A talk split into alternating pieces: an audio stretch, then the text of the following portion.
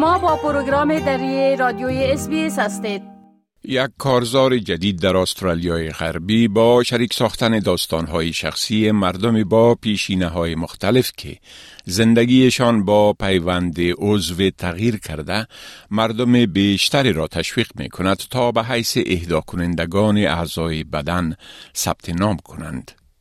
این کارزار از پادکاست های چند زبانه برای دسترسی مستقیم به دسته های اجتماعی متنوع استفاده می کند تا موانع فرهنگی را در تصمیم گیری پیرامون این مسئله از بین بردارد.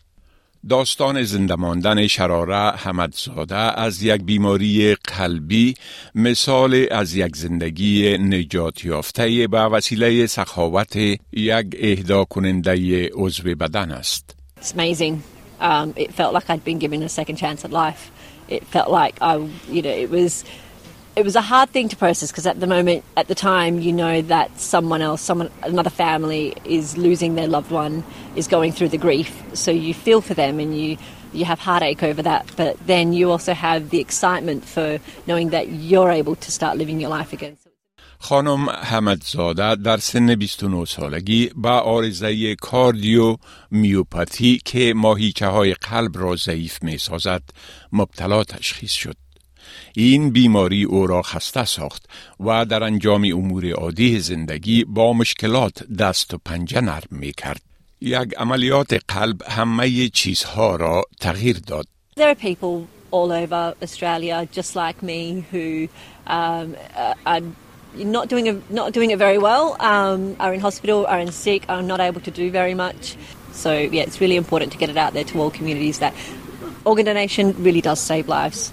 این پیامی است که با یک کمپاین جدید تقویت می شود کمپاینی که تجربیات اشخاص پیوندهنده اعضا را از طریق پادکاست های چند زبانه بیان می کند. داستانهای آنها به چندین زبان به شمول اردو، عربی، منگولیایی، فارسی، برمایی و سربی روایت می شود. این پروژه که توسط سازمان عمده اهدای اعضا به نام DonateLife و مرکز خدمات چند فرهنگی پرت اداره می شود با کمک مالی حکومت فدرالی تمویل می گردد. جلسات معلوماتی طور بخشی از این کمپاین با دسته های اجتماعی با پیشینه های مختلف برگزار شده است. مدیر اجرایوی مرکز خدمات چند فرهنگی رمداس سنگران می گوید که هنگام تلاش برای افزایش آگاهی در مورد اهدای عضو گرفتن ارتباط با زبان خود جامعه مد نظر می تواند تفاوتی ایجاد کند. When you know a donor or when you know a recipient of a you know of, of an organ uh, is speaking about it in his or her language that message is really a powerful one when it goes into cult communities. It is absolutely critical. The message goes out to, you know, Australia's diverse population in many different formats, not just in English and not just in print form.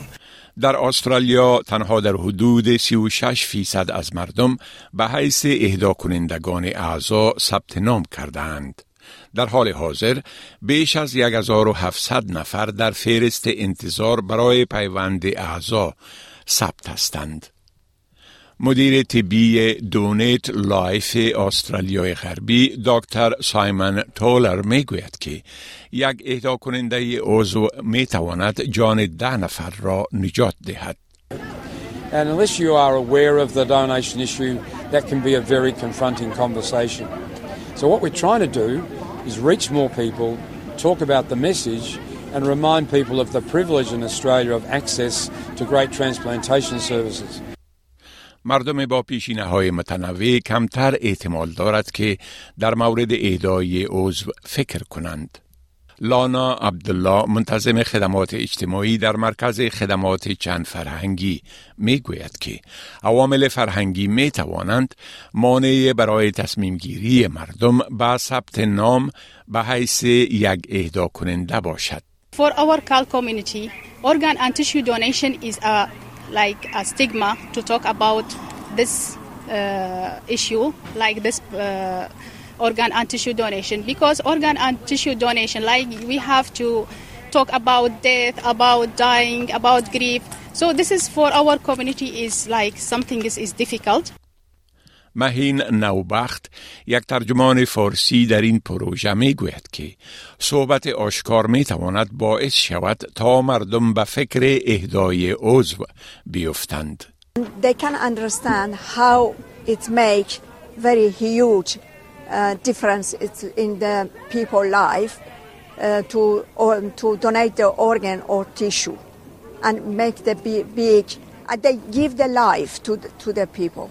گزارش را که شنیدید با کمک تام ستاینر از SBS News تهیه شده بود. بپسندید، شریک سازید و نظر دهید. SBS دری را در فیسبوک تعقیب کنید.